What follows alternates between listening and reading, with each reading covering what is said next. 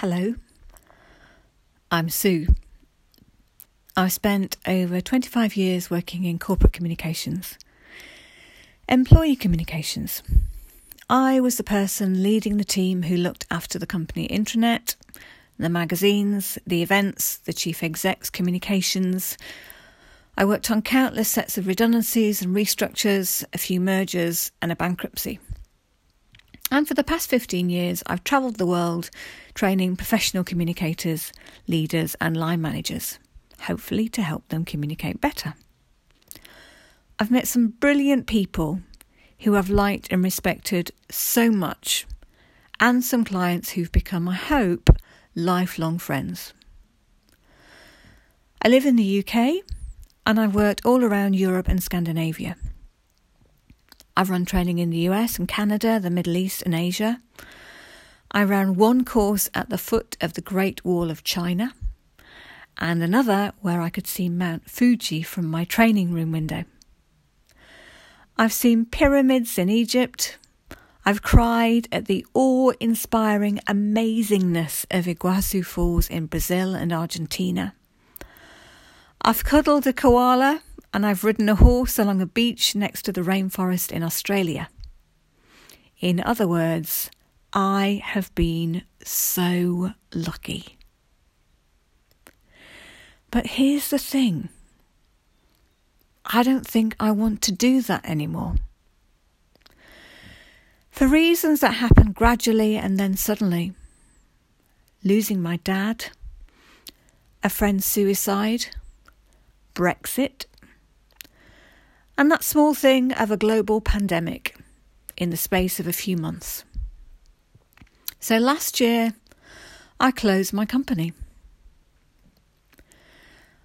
I'm now 51 years old, and for most of my life, I'd say my identity has been pretty much wrapped up in work. In fact, at some points, I definitely have described myself as a workaholic, and I know some other people around me would have done.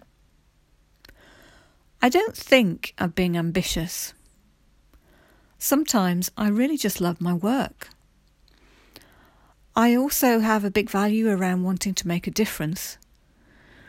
People still send me messages about the difference my training's meant to them, even if they'd done it years ago, and I keep them all because that means it means a lot. Also, most of the time, I was really afraid of letting people down or messing up. Imposter syndrome has been shouting very loudly in my head for years. And also, I kind of got hooked on work. I think I just got into the habit of starting early, working late, and sitting in front of my laptop, even if I didn't really have any work to do, to be honest. I've done my fair share of working through the night and not having time to even unpack the two bags I took on my last two airport runs before I passed the next one. And I seriously got to the point twice of just wanting to hide under the duvet and tell my clients I couldn't do it anymore. Anyway, so here I am. All that has now stopped. And now I have absolutely no idea what to do next. I can't retire yet, and I don't think I want to. So I figure I've got about 15 years or so in which to do I don't know what. But I think life is a very precious thing. And I don't want to waste a single day of it actually, and I really want to find a thing, a thing I'd love to do, and maybe a thing that can make a difference to people or animals or the world. Doesn't have to be a big thing; it can be small thing, but I do want to find a thing that matters or has a purpose to it. Friends keep saying things like, you must have some kind of dream. But no, I really, really don't. And I'd like that to feel like a place of freedom and possibilities. But actually, right now, it feels a bit scary and stuck. So I'm hoping to use this podcast to help me find a way to whatever's next. I'm hoping that sometimes having to post something will give me a kick up the backside and move me out of the stuckness and into some kind of action. I'm hoping it might help me capture some dreams and reflections and ideas that might otherwise flit into my head and back out again. I'm hoping it might nudge me into exploring some new possibilities and asking other people what they think. And especially, I'm hoping to talk to people who've been here and found their way to whatever's next and can tell me the view from the other side of the hill is great and will let me ask lots of stupid questions about how they found their way there.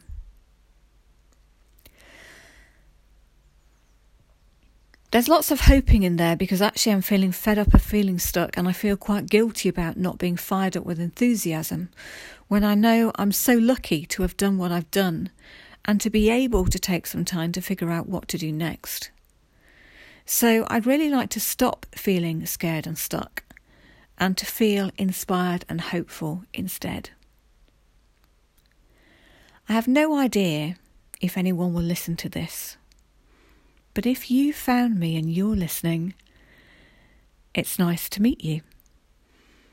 I wonder if you're someone else who's trying to find their way. Or maybe you're one of those very lucky people who's already found your whatever comes next. It would feel really hopeful to talk to other people who've been in this in between not knowing space and found their happy ever after. And it would also be nice to have some company from people who are still trying to fathom their way through it. So, maybe here we are, or at least here I am. Day one. And it does feel, at least, a little bit hopeful to have got started.